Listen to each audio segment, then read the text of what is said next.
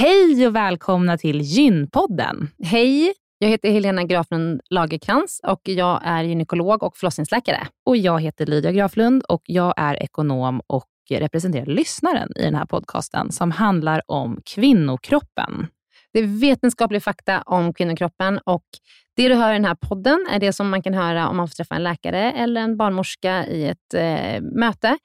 Men ibland så bjuder vi in gäster som berättar om sina personliga erfarenheter och ibland är det också spekulation, men då är det verkligen tydligt att det är spekulation.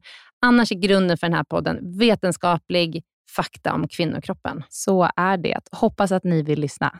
Välkomna. Välkomna.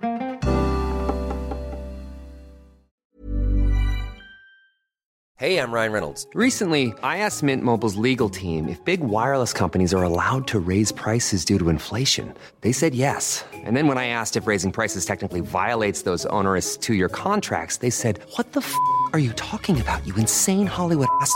So to recap, we're cutting the price of Mint Unlimited from $30 a month to just $15 a month. Give it a try at mintmobile.com slash switch. $45 up front for three months plus taxes and fees. Promo rate for new customers for limited time. Unlimited more than 40 gigabytes per month. Slows. Full terms at mintmobile.com.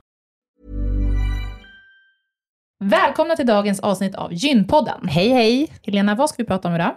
Vi ska prata om, eh, ja, jag har döpt det till framtidens förlossningsvård. Mm. Vi får väl se om det liksom landar i det samtalet. Men det är i varje fall ett samtal om förlossningen, hur den är organiserad, vad är det som skaver, vad, är det liksom, vad, vad kan vi förvänta oss av framtiden om förlossningsvården? Exakt. De senaste åren så har ju larmen om hur förlossningsvården fungerar i Sverige duggat ganska tätt. Barnmorskor säger upp sig, kvinnor får inte plats på förlossningsrum utan tvingas föda i skrubbar. Förlossningsavdelningen stängs ner och ockuperas sedan under lång tid av personer som vill ha förlossningen i kommunen kvar. Mm.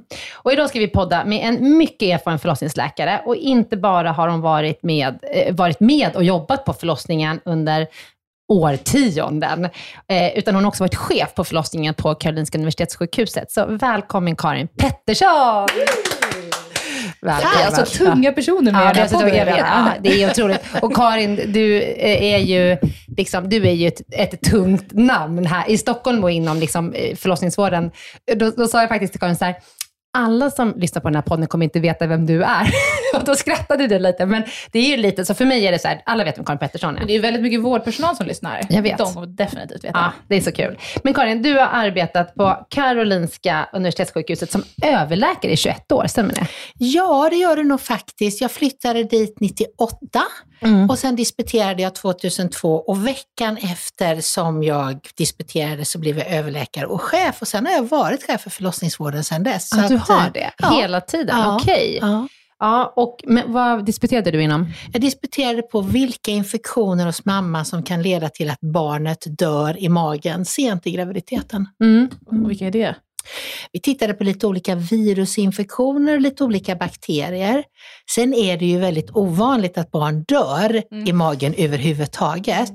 Men eh, några sådär som, som vi tittade på var till exempel något som heter grupp E-streptokocker. Vi tittade GBS. Också, mm. Mm, vi tittade på parvovirus och någon, en virus som heter cytomegalovirus. Och sen tittade vi på en parasit som många gravida känner till som heter toxoplasma och där man i stora delar av Europa screenar för det under graviditet. Men det gör vi inte i Sverige och det är bra att vi inte gör.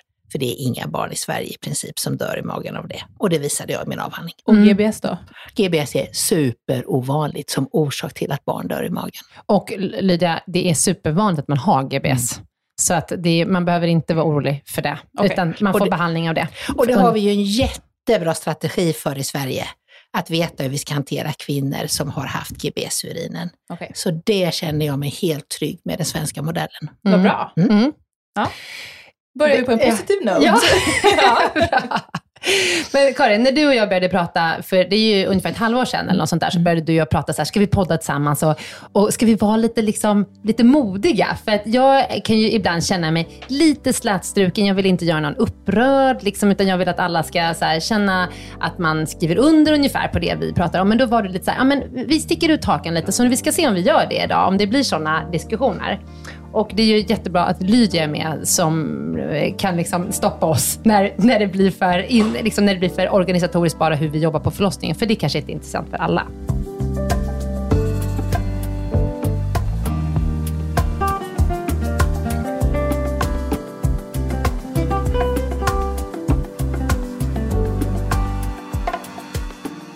Har det alltid varit skakigt inom förlossningsvården eller är det någonting nytt?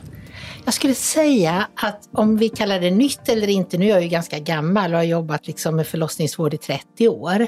Men när jag började som ung underläkare på Södertälje sjukhus i början av 90-talet, då blev jag omfamnad av trygga, varma, jätteerfarna barnmorskor som fostrade mig in i det yrket. Och då var i alla fall min bild att det inte var skakigt. Jag uppfattade att de barnmorskorna var kvar länge på jobbet, slutade inte. Jag upplevde att när det kom nya barnmorskor så fanns det en äldre kår som tog hand om dem.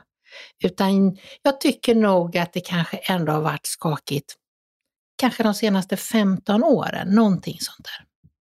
Men vad var det som hände för 15 år sedan? Det kan inte jag säga, men det finns ju många saker som, som olika grupper inom barnmorskeriet, både när man studerar det vetenskapligt, intervjuar barnmorskor, lyssnar på Barnmorskeförbundet, säger som skäl till att barnmorskor i högre utsträckning inte vill jobba i förlossningsvården idag. Så att det, är, det är ju jättekomplext. Hade vi svaret på den frågan så skulle vi ha åtgärdat det. Mm. Det handlar ju om arbetsmiljö. Det handlar om förväntningar hos våra blivande föräldrar. Det handlar om lön, säger en del. Eh, det, säger, det handlar om att få jobba på det sättet man vill. Väldigt många barnmorskor vill, och det är ju evidensbaserat, att man ska ha en födande och en barnmorska. Och det, så ser det inte ut på svenska förlossningsenheter idag. Det är inte möjligt med den bemanningen vi har. Men du har ju jobbat i Stockholm då de senaste 20 åren. Mm, än och, det. och, Mm. ja, och innan dess Södertälje som Mm, ändå är mm. väldigt nära Stockholm. Hur, har du en bild av hur det är i resten av Sverige? Kan man jobba en till en där, liksom en barnmorska, en födande, eller är det ingenstans på det Nej, men sättet? så, jag tror att de på, på majoriteten av förlossningsenheter, stora och små i Sverige, kommer man att rapportera att man inte kan upprätthålla one-to-one care. Men det är klart att det finns enheter där du måste ha en viss bemanning bara för att det måste finnas folk på plats, men där det är väldigt få kvinnor som föds, föder, till exempel Gotland. Eh, där tror jag att de i mycket högre utsträckning kan ha one-to-one care, för de måste i alla fall vara två på förlossningsenheten och jag vet inte, men jag tror att det ungefär föds 400 barn på Gotland och då har de ju mycket större möjligheter att upprätthålla det. Men var det så här innan? Alltså, eller har, har, det varit, har det varit att man har haft en barnmorska på en födande tidigare? För att jag tänker att du sa att det här liksom upplevda problemet inom förlossningsvården kom för 15 år sedan. Men innan det så hade man inte heller det upplägget. Nej, Nej. det skulle jag säga. Utan det här är ju, det har kommit ny kunskap. Man har visat mer och mer att det är bra att ha en närvarande barnmorska. Och så att när, när jag fostrades av barnmorskorna i Södertälje på 90-talet, då hade de flera födande samtidigt. Det är min absoluta minnesbild. Då låter det ju som att det är en utveckling i samhället och att man ställer högre krav. Jag tror att det också faktiskt handlar om en, en i hög utsträckning berättigat krav som våra blivande föräldrar har. Det är jättestor skillnad. Vi tittade på en studie där vi jämförde orsaker till kejsarsnitt på 90-talet och så tittade vi på 2000-talet bara på ett sjukhus i Stockholm Akuta eller planerade? planerade. Mm. Och då visade det sig att ordet förlossningsrädsla som skäl till kejsarsnitt fanns inte på 90-talet. Så det är klart att det har skett en enorm utveckling av detta. Och det kanske var så här att man pratade inte om det på den tiden, man skrev inte om det, utan kvinnor bet ihop och födde fast de kanske egentligen närde samma stora rädsla som kvinnor som vi möter idag, där man vet att man har en helt annan möjlighet att påverka sin förlossning. Lyssnar ni som är lite äldre på era mammor, de pratade ju aldrig om detta, man, man bara födde och det var kanske inte alltid så eh, ly- lyckosamt och festligt och smärtfritt, men man gjorde det Jag bara. tycker alla mammor säger det. Alltså våran mamma tycker ju det var guld och gröna skogar. De kommer inte, jag tror Nej, inte men de jag tror kommer inte de ihåg kommer ihåg faktiskt. heller. Och, och jag tror att det är som du säger, att man, kan, man kanske inte lyfter fram det på det Mm. sättet. Idag, vi, idag så pratar man ju verkligen om att hur känns det inför, alltså jag som gått igenom en graviditet nu, jag har ju fått den frågan mycket. Mm. Hur mår du? Hur känns det inför förlossningen? Hur tänker du kring Mm. det här? De frågorna kanske man inte ställer på det sättet. Nej. Men eh, nu, nu ställer jag en fråga som jag hade tänkt ställa lite senare i poddavsnittet egentligen, men som ändå på något sätt känns relevant nu. Har födande familjer idag en orimlig förväntan på hur förlossningen ska vara? Tycker du eh, det? Jag tänker liksom att eh, man tänker att det ska vara nästan som ett ibland ett självförverkligande. Det ska vara på det här sättet om man vill föda den här ställningen, om man ska ta emot sitt barn själv. Och får man inte det så är det inte bra förlossning. Jag tycker inte det går att generalisera. Eh, både du och jag, Helena, träffar ju många gravida när vi lyssnar på deras förväntningar.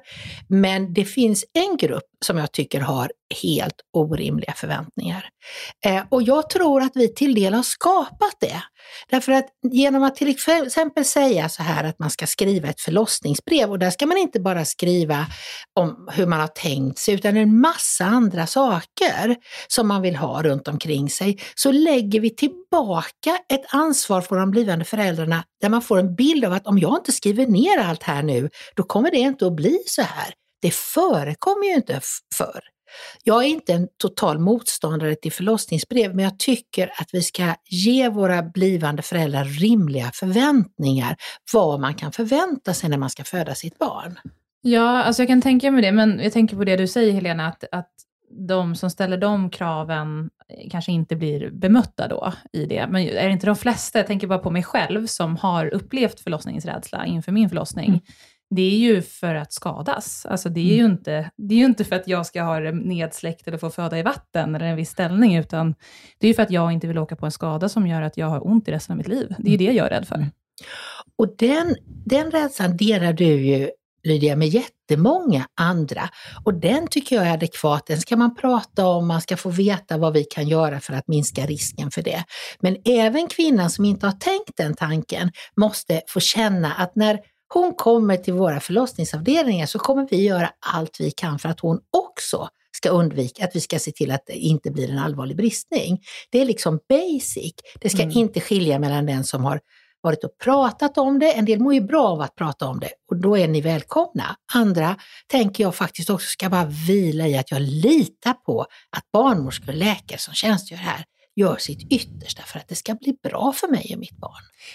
Elika Andahl, som vi poddade med för ett par veckor sedan om planerade kejsarsnitt, hon sa en grej som liksom eh, landade i mig och det var, du sa så här Lydia, Ja, men jag tror att kvinnor väljer ett planerat kejsarsnitt eh, för att då känner man att man liksom bara kan, man kan bara lämna över sig själv till någon. Man kan inte styra så mycket själv, utan det är så här, du, du tar hand om mig nu. Och, och då sa Elika så här, Ja, men om du kommer in på förlossningsrum så är det precis likadant. Du ska kunna bara hänge dig, liksom, eller så här, bara lämna över hela det här förloppet till en barnmorska, eller en förlossningsläkare, eller en undersköterska. Och vi kommer hjälpa dig igenom det. Mm. Och det är inte så att man måste liksom, eh, eh, vad ska man säga, planera hela sin förlossning. För det tror jag, jag håller med dig där Karin, att jag tror att många tror att, så här, att om jag inte skriver att jag vill ha det här och det här, då kommer jag inte få det, för då vi gör just det bästa vi kan i alla förlossningar. Mm. Eh, så. Ja, alltså, jag tror att det dels är det. Så tror jag också att det är att man vid ett kejsarsnitt känner att det känns så otroligt kontrollerat. Alltså det känns som att man är i läkarens händer, hon eller han vet vad de gör när de plockar ut den här bebisen, syr igen, och sen vad, vad man nu gör. Medan det känns som att vaginalförlossningen kan antingen gå jättebra, eller så kan den gå åt skogen. Eller, alltså det känns som att det kan slå så mycket mer åt olika håll. Och jag tror att det är det som oroar mig i alla fall, är att man inte man kommer inte kunna ha den kontrollen, eller ingen kommer kunna ha den mm. kontrollen, att veta om det här kommer gå bra eller inte. Mm. Liksom. Jag tror att det är många som känner som du. Jag kan ju tänka så här, att att en narkosläkare lägger en ryggbedövning så du inte känner något. Sen klär vi in dig i en massa papper och tyger så du inte ser något och inte heller din partner. Och sen så, så tar vi helt över. Är det, det, det är ju underbart att, att våra kvinnor litar på oss läkare. Men det skulle jag också kunna tänka mig att motsatsen skulle kunna kännas. Att man har ingen påverkansgrad. De kan göra hur som helst här. Så. Mm. Tycker det låter jätteskönt. Ser ja. du de här två förlossningsläkarna sitter och blänger på mig? det, det gör vi verkligen inte. Vi tittar med varma ögon på dig Lydia ja. faktiskt, därför att vi har ju mött kvinnor. Och jag vill verkligen säga att när man har samtal med kvinnor som är rädda inför födsel och som vill genomgå ett planerat kejsarsnitt, så har den kvinnan sin fulla rätt att bli mött med respekt och att vi för ett samtal om för och nackdelar. Och det är absolut så att en del kvinnor är det bästa sättet att föda ett planerat kejsarsnitt, även om inte det finns medicinska skäl till det. Det är jag övertygad om.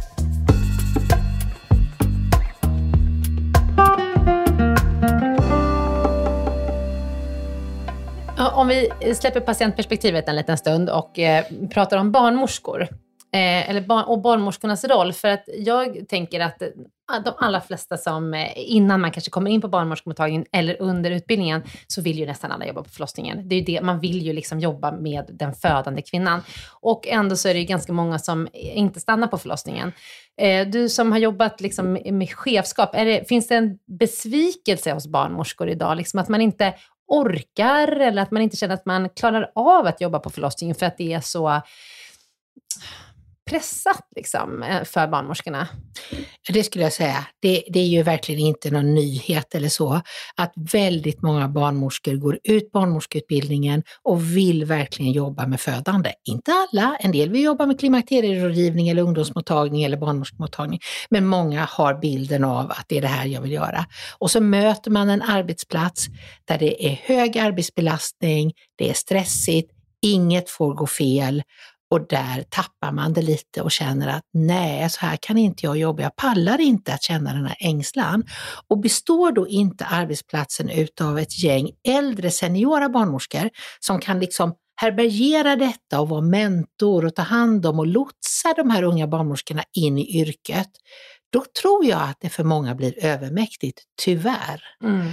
Och det är klart att ett ledarskapet på en förlossning eller en hel förlossningsenhet på ett sjukhus är enormt viktig. Men även, det vet vi ju, de bästa ledarna har ju, kan ju ha verksamheter där man ändå förlorar barnmorskor för man känner att det är för tajt att jobba mm. så här. Mm. Mm. Alltså alla läkare kommer ihåg sina barnmorskor som man, när man började på förlossningen. Mm. Alltså det, och både de man gillar och inte gillade. Men en, en trygg, eh, erfaren barnmorska, mm. det är ju det, ens bästa vän. Mm. Ja. Mm. Så att eh, jag, eh, det är ju, ja, man kan inte nog poängtera hur viktigt det är att behålla den kompetensen på förlossningen. Hur, hur ser du på förlossningsenheter i vårt avlånga lilla land? Tycker du att det ska finnas flera små enheter eller bör man slå ihop dem till större? Jag tycker att det beror på resavstånd. Det får finnas någon rimlighet förstås hur långt man ska behöva resa för att föda. Eh, jag tycker att man också ska titta på kvalitet. Jag är rätt förvånad när det är en del enheter som hotas med nedläggning, att man inte pratar om har man haft en bemanning på barnmorske, läkar och barnläkare och narkossidan som borgar för en säker förlossningsvård, ja då kanske man ska arbeta för att de ska vara kvar om de ligger i områden där det är långt att åka. Men det finns inget egenvärde att behålla förlossningsenheter som inte fungerar väl eh, därför att man inte kan bemanna. Ni ser ju nu i sommar stänger man någon enhet i norra Sverige därför att de har ingen barnläkare.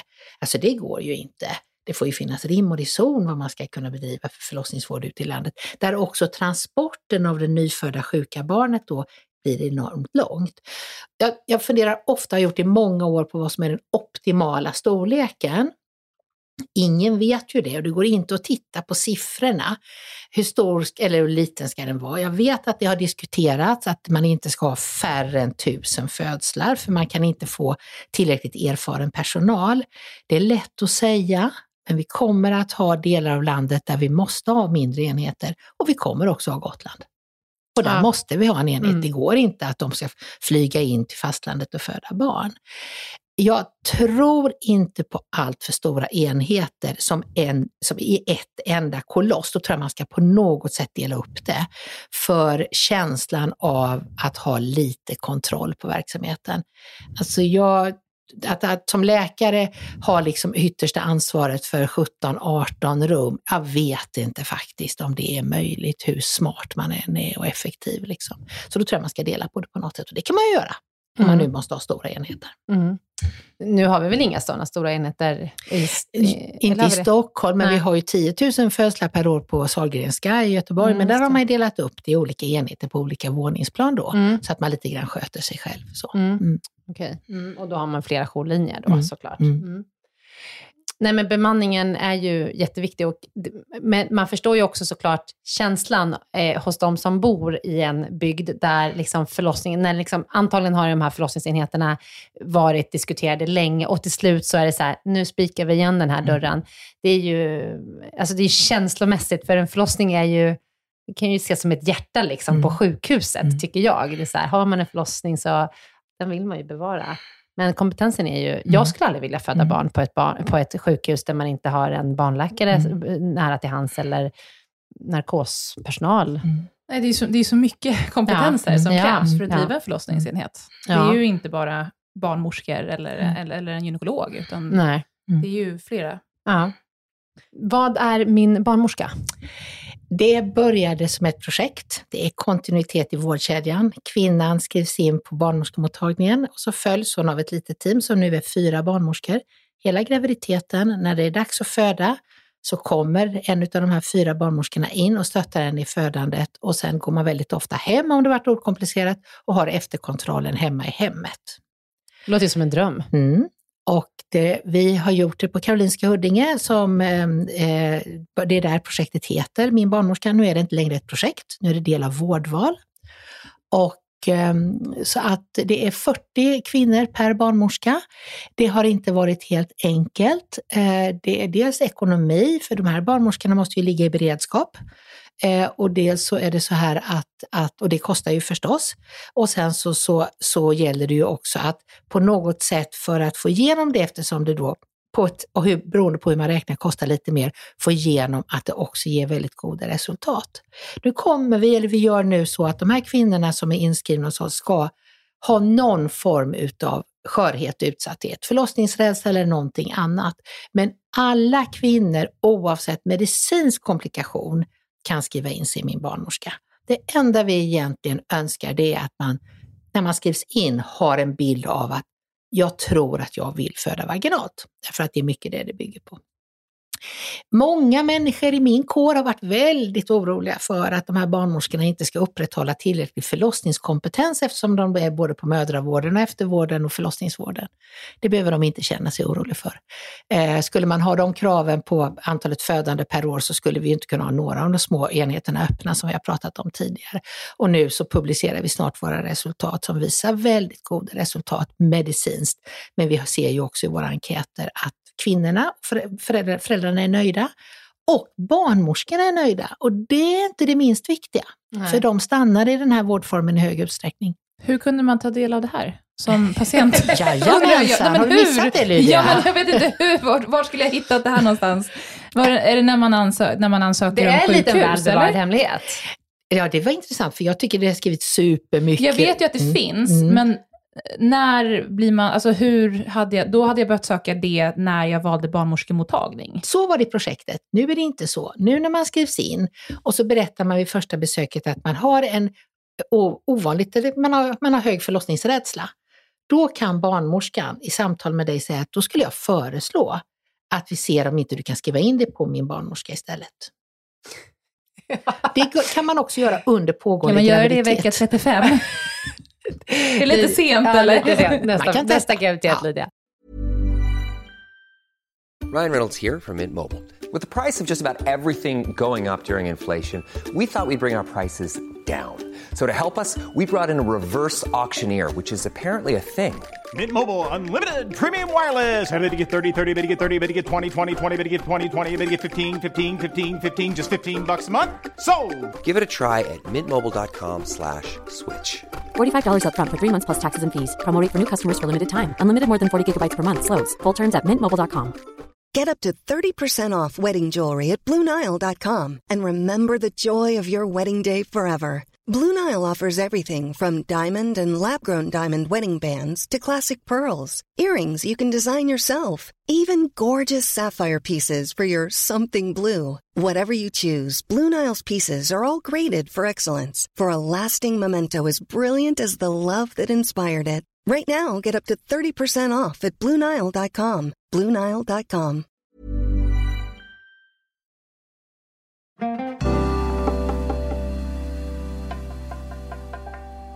Okej, hur många barnmorskor jobbar sa du? Ja, nu är det då fyra team, så Ja. att det är det då fyra i varje, så det är 16 just nu då. Ja. Mm. Och 40 patienter inskrivna Per barnmorska. per barnmorska. Mm. Massor med patienter. Mm. Ja. Så det är ungefär 600 födslar per år. Ja. Mm. Är det här en dyrare form än Eh, eh, Det beror vanlig? på hur man räknar, Mm. för ska man räkna i medicinska komplikationer ser det inte ut så. Eller, eller, men alltså om man bara tittar till tjänstgöringsgrad, beredskap, bilar för att kunna åka hem.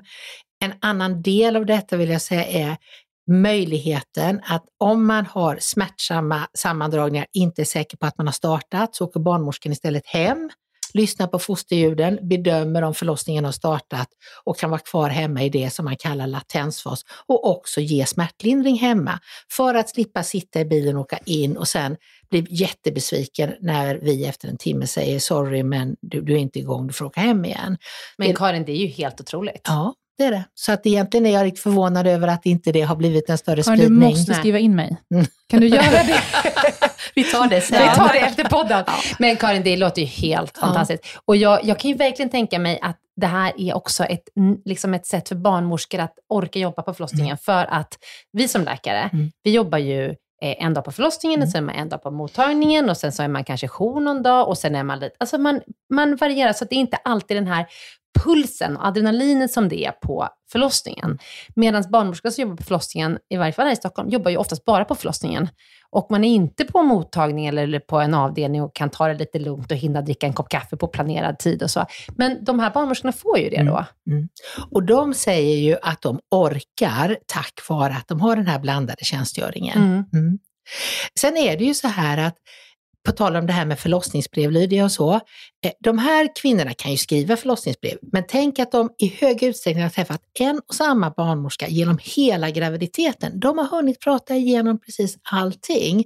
Så när de kommer till förlossningen, eller till och med om, om barnmorskan åker hem, så vet ju barnmorskan vilka förväntningar, vilka rädslor, vilka eh, särskilda önskemål den här speciella kvinnan och blivande familjen har. Så det är en, det är en stor skillnad. Det blir ju en trygghet bara att känna igen ett ansikte.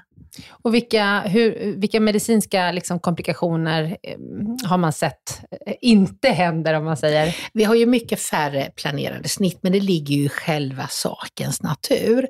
Däremot ser vi att vi gör lika många akuta kejsarsnitt, vi gör, lika många, vi, har samma grad av bristning, men vi har mycket färre induktioner, mycket mer spontan start. Så. Mm. Sen ser vi i det här arbetet att det är färre som föder för tidigt. Det där, det vi har ju verkligen lagt oss vinn med att ha en relevant eh, kontrollgrupp, men kanske är kontrollgruppen och patientgruppen lite för liten än. Så det får vi följa över tid och se. Mm. Men man har också visat utomlands att, att det minskar risken för för tidig födsel. Hur kommer det sig då? Är det för att man känner ett lugn eller? Vi vet inte, man skulle kunna tänka sig det. Å andra sidan genom att säga ja, det handlar om lugn, så är det så att som jag lägger på en kvinna som föder för tidigt, att hon har stressat upp sig till det här. Det tror Mm. vi ju inte riktigt. Nej, men vad är anledningen till varför man föder för tidigt då? Ja det, ja, det kan ju bero på en infektion till exempel. Det Mm. kan handla om att, att man har mer än ett barn i magen. Det kan handla om att man har en försvagad livmodertapp. Det finns många skäl till det. Men möjligtvis det man skulle kunna förklara, det är ju att barnmorskan som känner kvinnan, när hon ringer och säger att jag har fått det här symptomet, då har barnmorskan en känsla för vilka som måste in med samma och inte. Och eventuellt då få en behandling som skulle kunna förlänga graviditeten. Men vi har inte hela svaret på den här frågan, verkligen inte. Nej, men exakt. Om du följs av en så kanske det är, som du säger, lättare att få Mm. ett specifik, eh, hjälp vid ett specifikt Mm. tillfälle. Mm. Finns det här någon annanstans än på Karolinska? Man prövade det i Uppsala men har la ner det ganska snart. Nu ansöker vi så småningom på Karolinska i Solna att Mm. göra samma sak och det finns ju också ett intresse på ett annat sjukhus i Stockholm, BB Stockholm och jag tror att även Södertälje har visat intresse. Så att, och jag vet att Göteborg har också jobbat politiskt för att få till det. Det gäller ju att man har politikerna med sig. Mm. Mm, i detta. Mm. Så att eh, det är nedlagt väldigt, väldigt många timmar av våra barnmorskechefer för att eh, sjösätta detta på fler ställen. Mm. mm. Vill, eh, det ska vara då lite sköra patienter som har till exempel förlossningsrädsla, men når man också kvinnor som inte är födda i Sverige och som inte har liksom svenska som modersmål? Mm. Ja. Det gör man och det är dessutom så att i liksom kravspessen för att få skriva in sig så ingår till exempel det ensamstående eller utlandsfödd som inte kan svenska med någon annan utsatthet.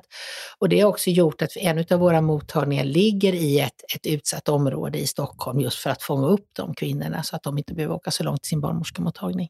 Var ligger det någonstans? Skärholmen. Ja, så spännande. Mm. Det här kanske är framtidens Mm. förlossningsvård. Mm. Tror du det? Jag tror att framtidens förlossningsvård är mycket mer som sker utanför sjukhuset. Mm. latensfas hemma, eh, efterkontroll hemma, mycket mera kontroller av graviditeten via digital kontakt med barnmorskan Eh, ja, det tror jag. Mm. Mm. Så att vi bara gör det på sjukhus som måste göras på sjukhus. Jag tänkte precis fråga det. Digitala medel här, vad man kan använda för olika typer av verktyg för att effektivisera Mm. hela vårdkedjan. Mm. Blodtrycksmätning förstås, eh, eh, blodsockermätning, CTG-övervakning eller fosterstyrelseövervakning är ju testat på andra ställen i världen. Vi ansöker nu en ganska stor EU-ansökan för att få prova det i Sverige. Lite mer så. Göteborg är före, distans? på distans. Hur gör man det då? Kvinnan kopplar upp sig själv hemma och så ser man på, på monitorn hur, hur det ser ut. Så. Gud, Eh. Holland har Ja. kommit långt och, och där visar de att de har, har liksom mindre komplikationer av de som har någon komplikation eh, före förlossningen. För väldigt för tidig vattenavgång som monitoreras hemma med temperatur och CTG och sådär. Så att jag tror verkligen att det är, är framtiden. Vi kommer inte att ha personal att bemanna våra stora förlossningsenheter och sjukhus. Det gäller ju inte bara förlossningsvården, utan vi måste tänka nytt vad det gäller detta. Och, och det märker vi ju nu när det kommer nya riktlinjer, till exempel för när man ska sätta igång en överburen kvinna. Mm. Alltså ska man göra det i vecka 41 som det har varit, eller som det säger, liksom man diskuterar nu, eller 42 som det var tidigare. Mm. Och är det då 41 så blir det väldigt många flera igångsättningar. Initialt gjorde vi ju dem alla på sjukhuset, men nu gör man ju må- många av de här igångsättningarna hemma. För nu är det vecka 41 i Stockholm, va? Är det inte så? Det beror lite grann på vilken grupp av kvinna man är. Men är man förstföderska eller har någon annan riskfaktor som handlar om övervikt, var man är född, ålder och så, så är det mellan 41 plus 0 till 41 plus 2 ungefär. Och resten uppmanar vi att gå till vecka 41 plus 5. Detta är ju de kvinnorna som har normala okomplicerade graviditeter, inte de andra. Är det en riskfaktor att vara förstföderska? Mm. Men är man bara förstföderska så är den svag. Ja, det är en svag riskfaktor. Mm. Eh, Jag, jag måste bara lägga till att Lydia...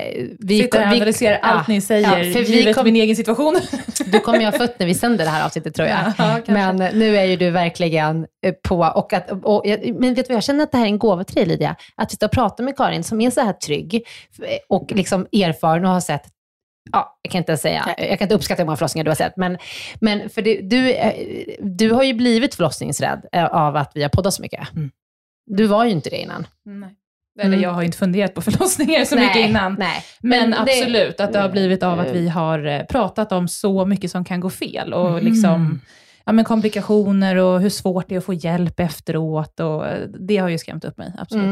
Mm. Mm. Omedvetet, det har jag märkt nu. Jag har inte reflekterat över det innan, utan jag märker ju det när, när vi började prata förlossningen, Mm. så märkte jag att jag blev, att det var Mm. jätte, tyckte det var jättejobbigt. Mm. Och det är ju, eh, på något sätt liksom ligger det lite, det blir ju som en sorg i mig, för att jag älskar ju förlossningen. Både att vara som patient där har jag ju alltid tyckt om det, även fast mina förlossningar har ju varit lite varierade. Det har ju varit lite akuta kejsarsnitt och ditten och datten. Men jag har alltid tyckt att det har varit så, liksom, jag har alltid känt mig så trygg omhändertagen. Och, och, och, och eh, sen så kände jag liksom att för dig blev det nästan tvärtom, för att du vet så mycket nu, men du har inte varit på förlossningen. Så det är kanske det som är skillnaden också, liksom att du hör bara det negativa, men du har inte sett alla de här, alltså majoriteten är ju fantastiskt välmående mammor och barn. Alltså det, nästan alla är ju det, så att man ska ju liksom komma ihåg det. Ja, men hur som helst, varsågod, här har du Karin. Att få ställa alla frågor.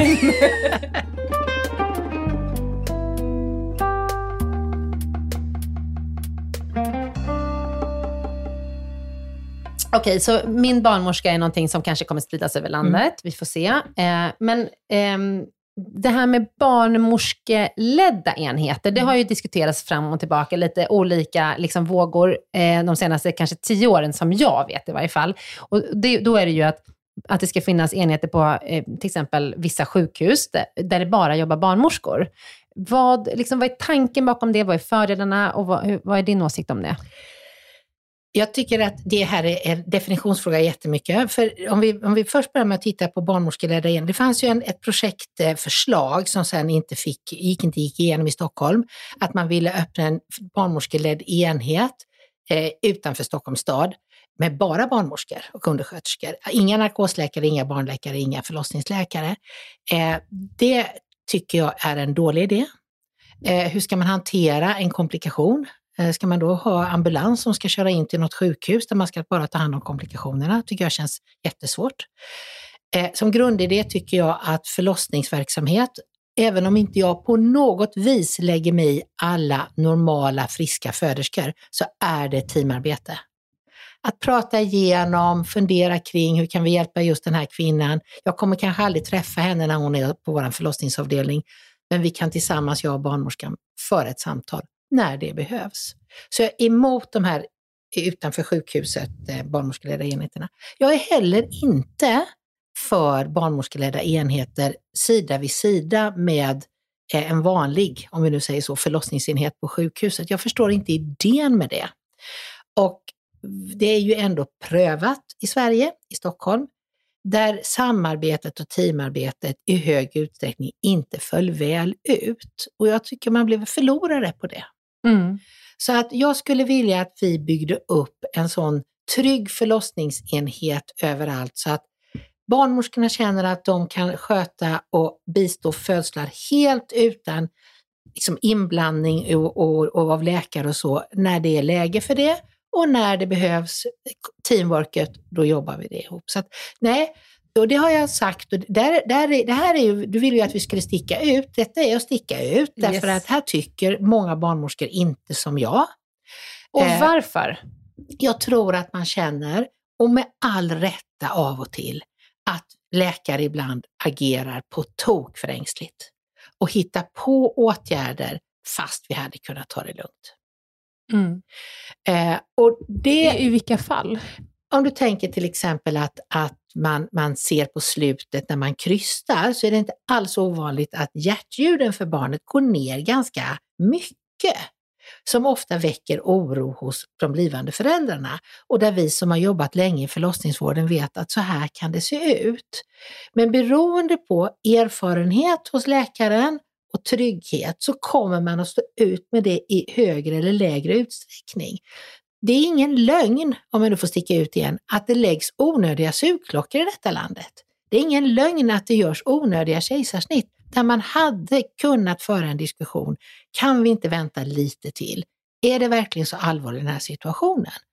Men det kräver förstås att man dag ut och dag in jobbar ihop, tittar på fosterövervakning ihop, för en diskussion, lär våra unga doktorer, lär våra unga barnmorskor att så här kan det få se ut, vi känner ingen oro. Så Mm. tycker jag att jag skulle vilja att förlossningsenheten eh, skulle skötas. Mm. Mm. Precis. Och, och, ja, och som eh, liksom, ny läkare, att våga ibland också bara så här, nu litar jag på den här barnmorskan, men då måste man ju också jobba ihop. Mm. Alltså, det är så många gånger sedan när liksom barnmorskor tittat på mig, nu tar du det lugnt. Mm. Ta det lugnt.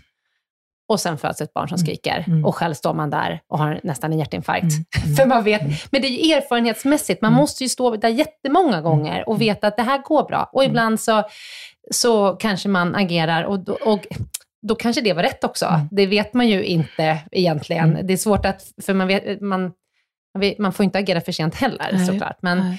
men eh, ja, den där trygga barnmorskan som säger så här, det här kommer gå bra, ta det lugnt nu. Mm.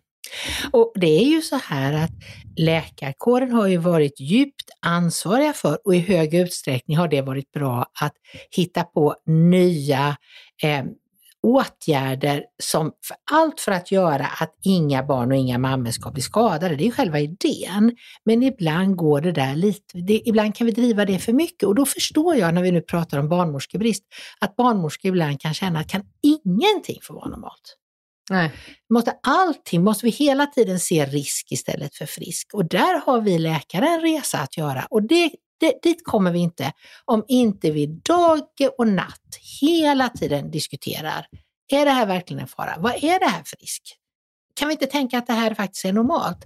Jag tycker det är helt underbart, jag som får förmånen att jobba på Karolinska och träffa väldigt många kvinnor med svår sjukdom och som det kan vara en hel del pyssel med att leda genom en graviditet.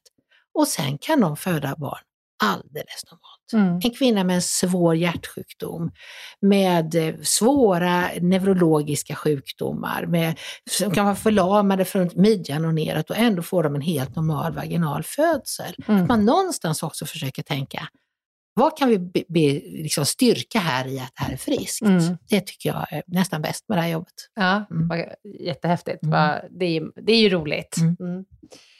Eh, men Lydia, har du några tankar när du Nej, sitter och jag, lyssnar jag sitter nu? och reflekterar över det ni pratar om nu. Jag har ju aldrig varit på en förlossning överhuvudtaget, så jag har väldigt lite att tillägga. Men det jag tänker är däremot att jag personligen hade valt en extra sugklocka än att mitt barn skadades i en förlossning. Såklart. Det har alla föräldrar gjort. Mm. Ja. Så är det. Och och jag, vet, eller jag tänker Mm. bara att det är det man som läkare tänker då, Mm. antar jag. Ja.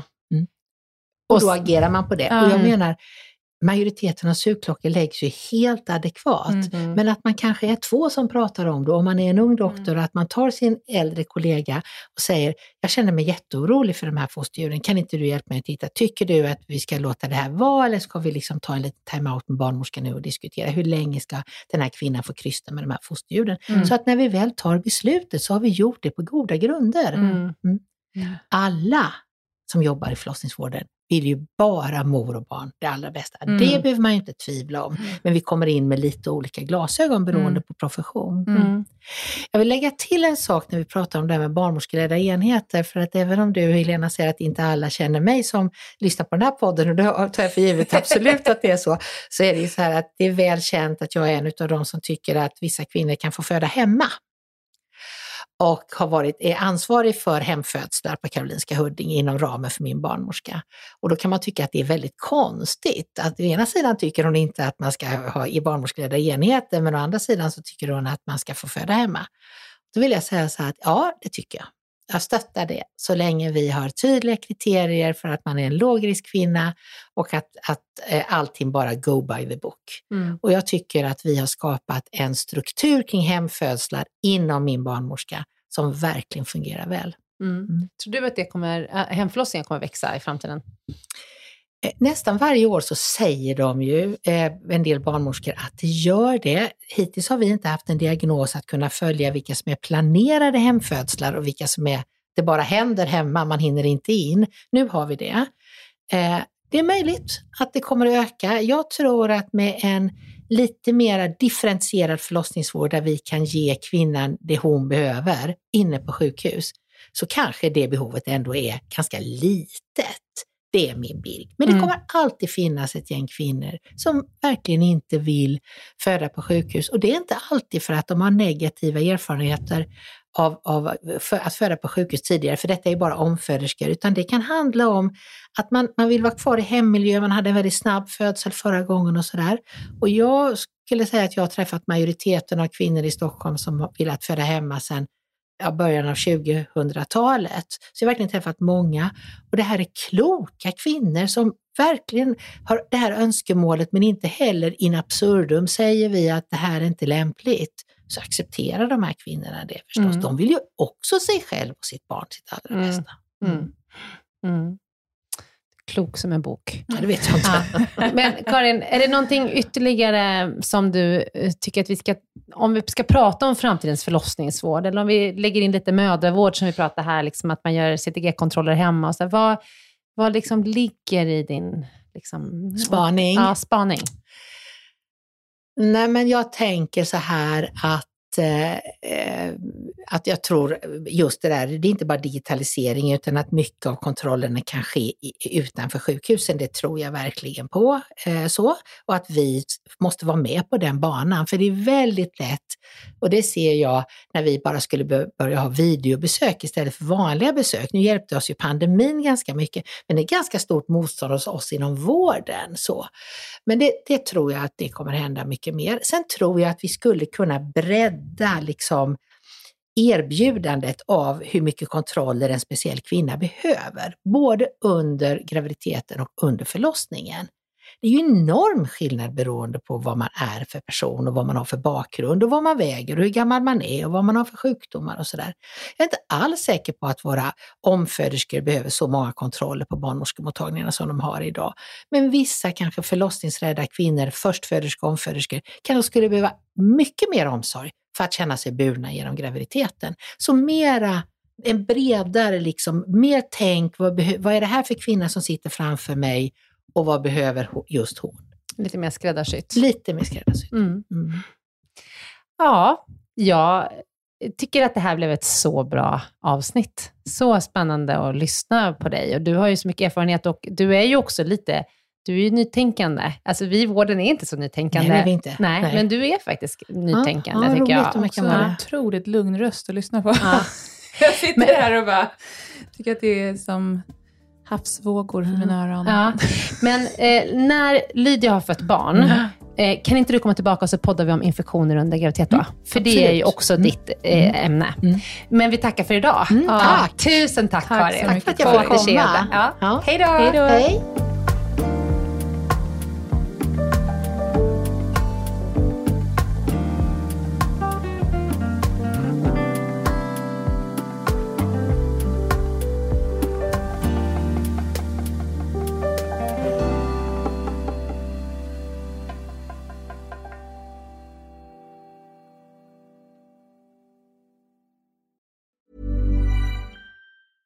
Ever catch yourself eating the same flavorless dinner three days in a row?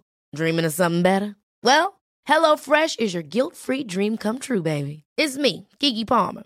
Let's wake up those taste buds with hot, juicy pecan-crusted chicken or garlic butter shrimp scampi. Mm. Hello Fresh. Stop dreaming of all the delicious possibilities and dig in at HelloFresh.com. Let's get this dinner party started.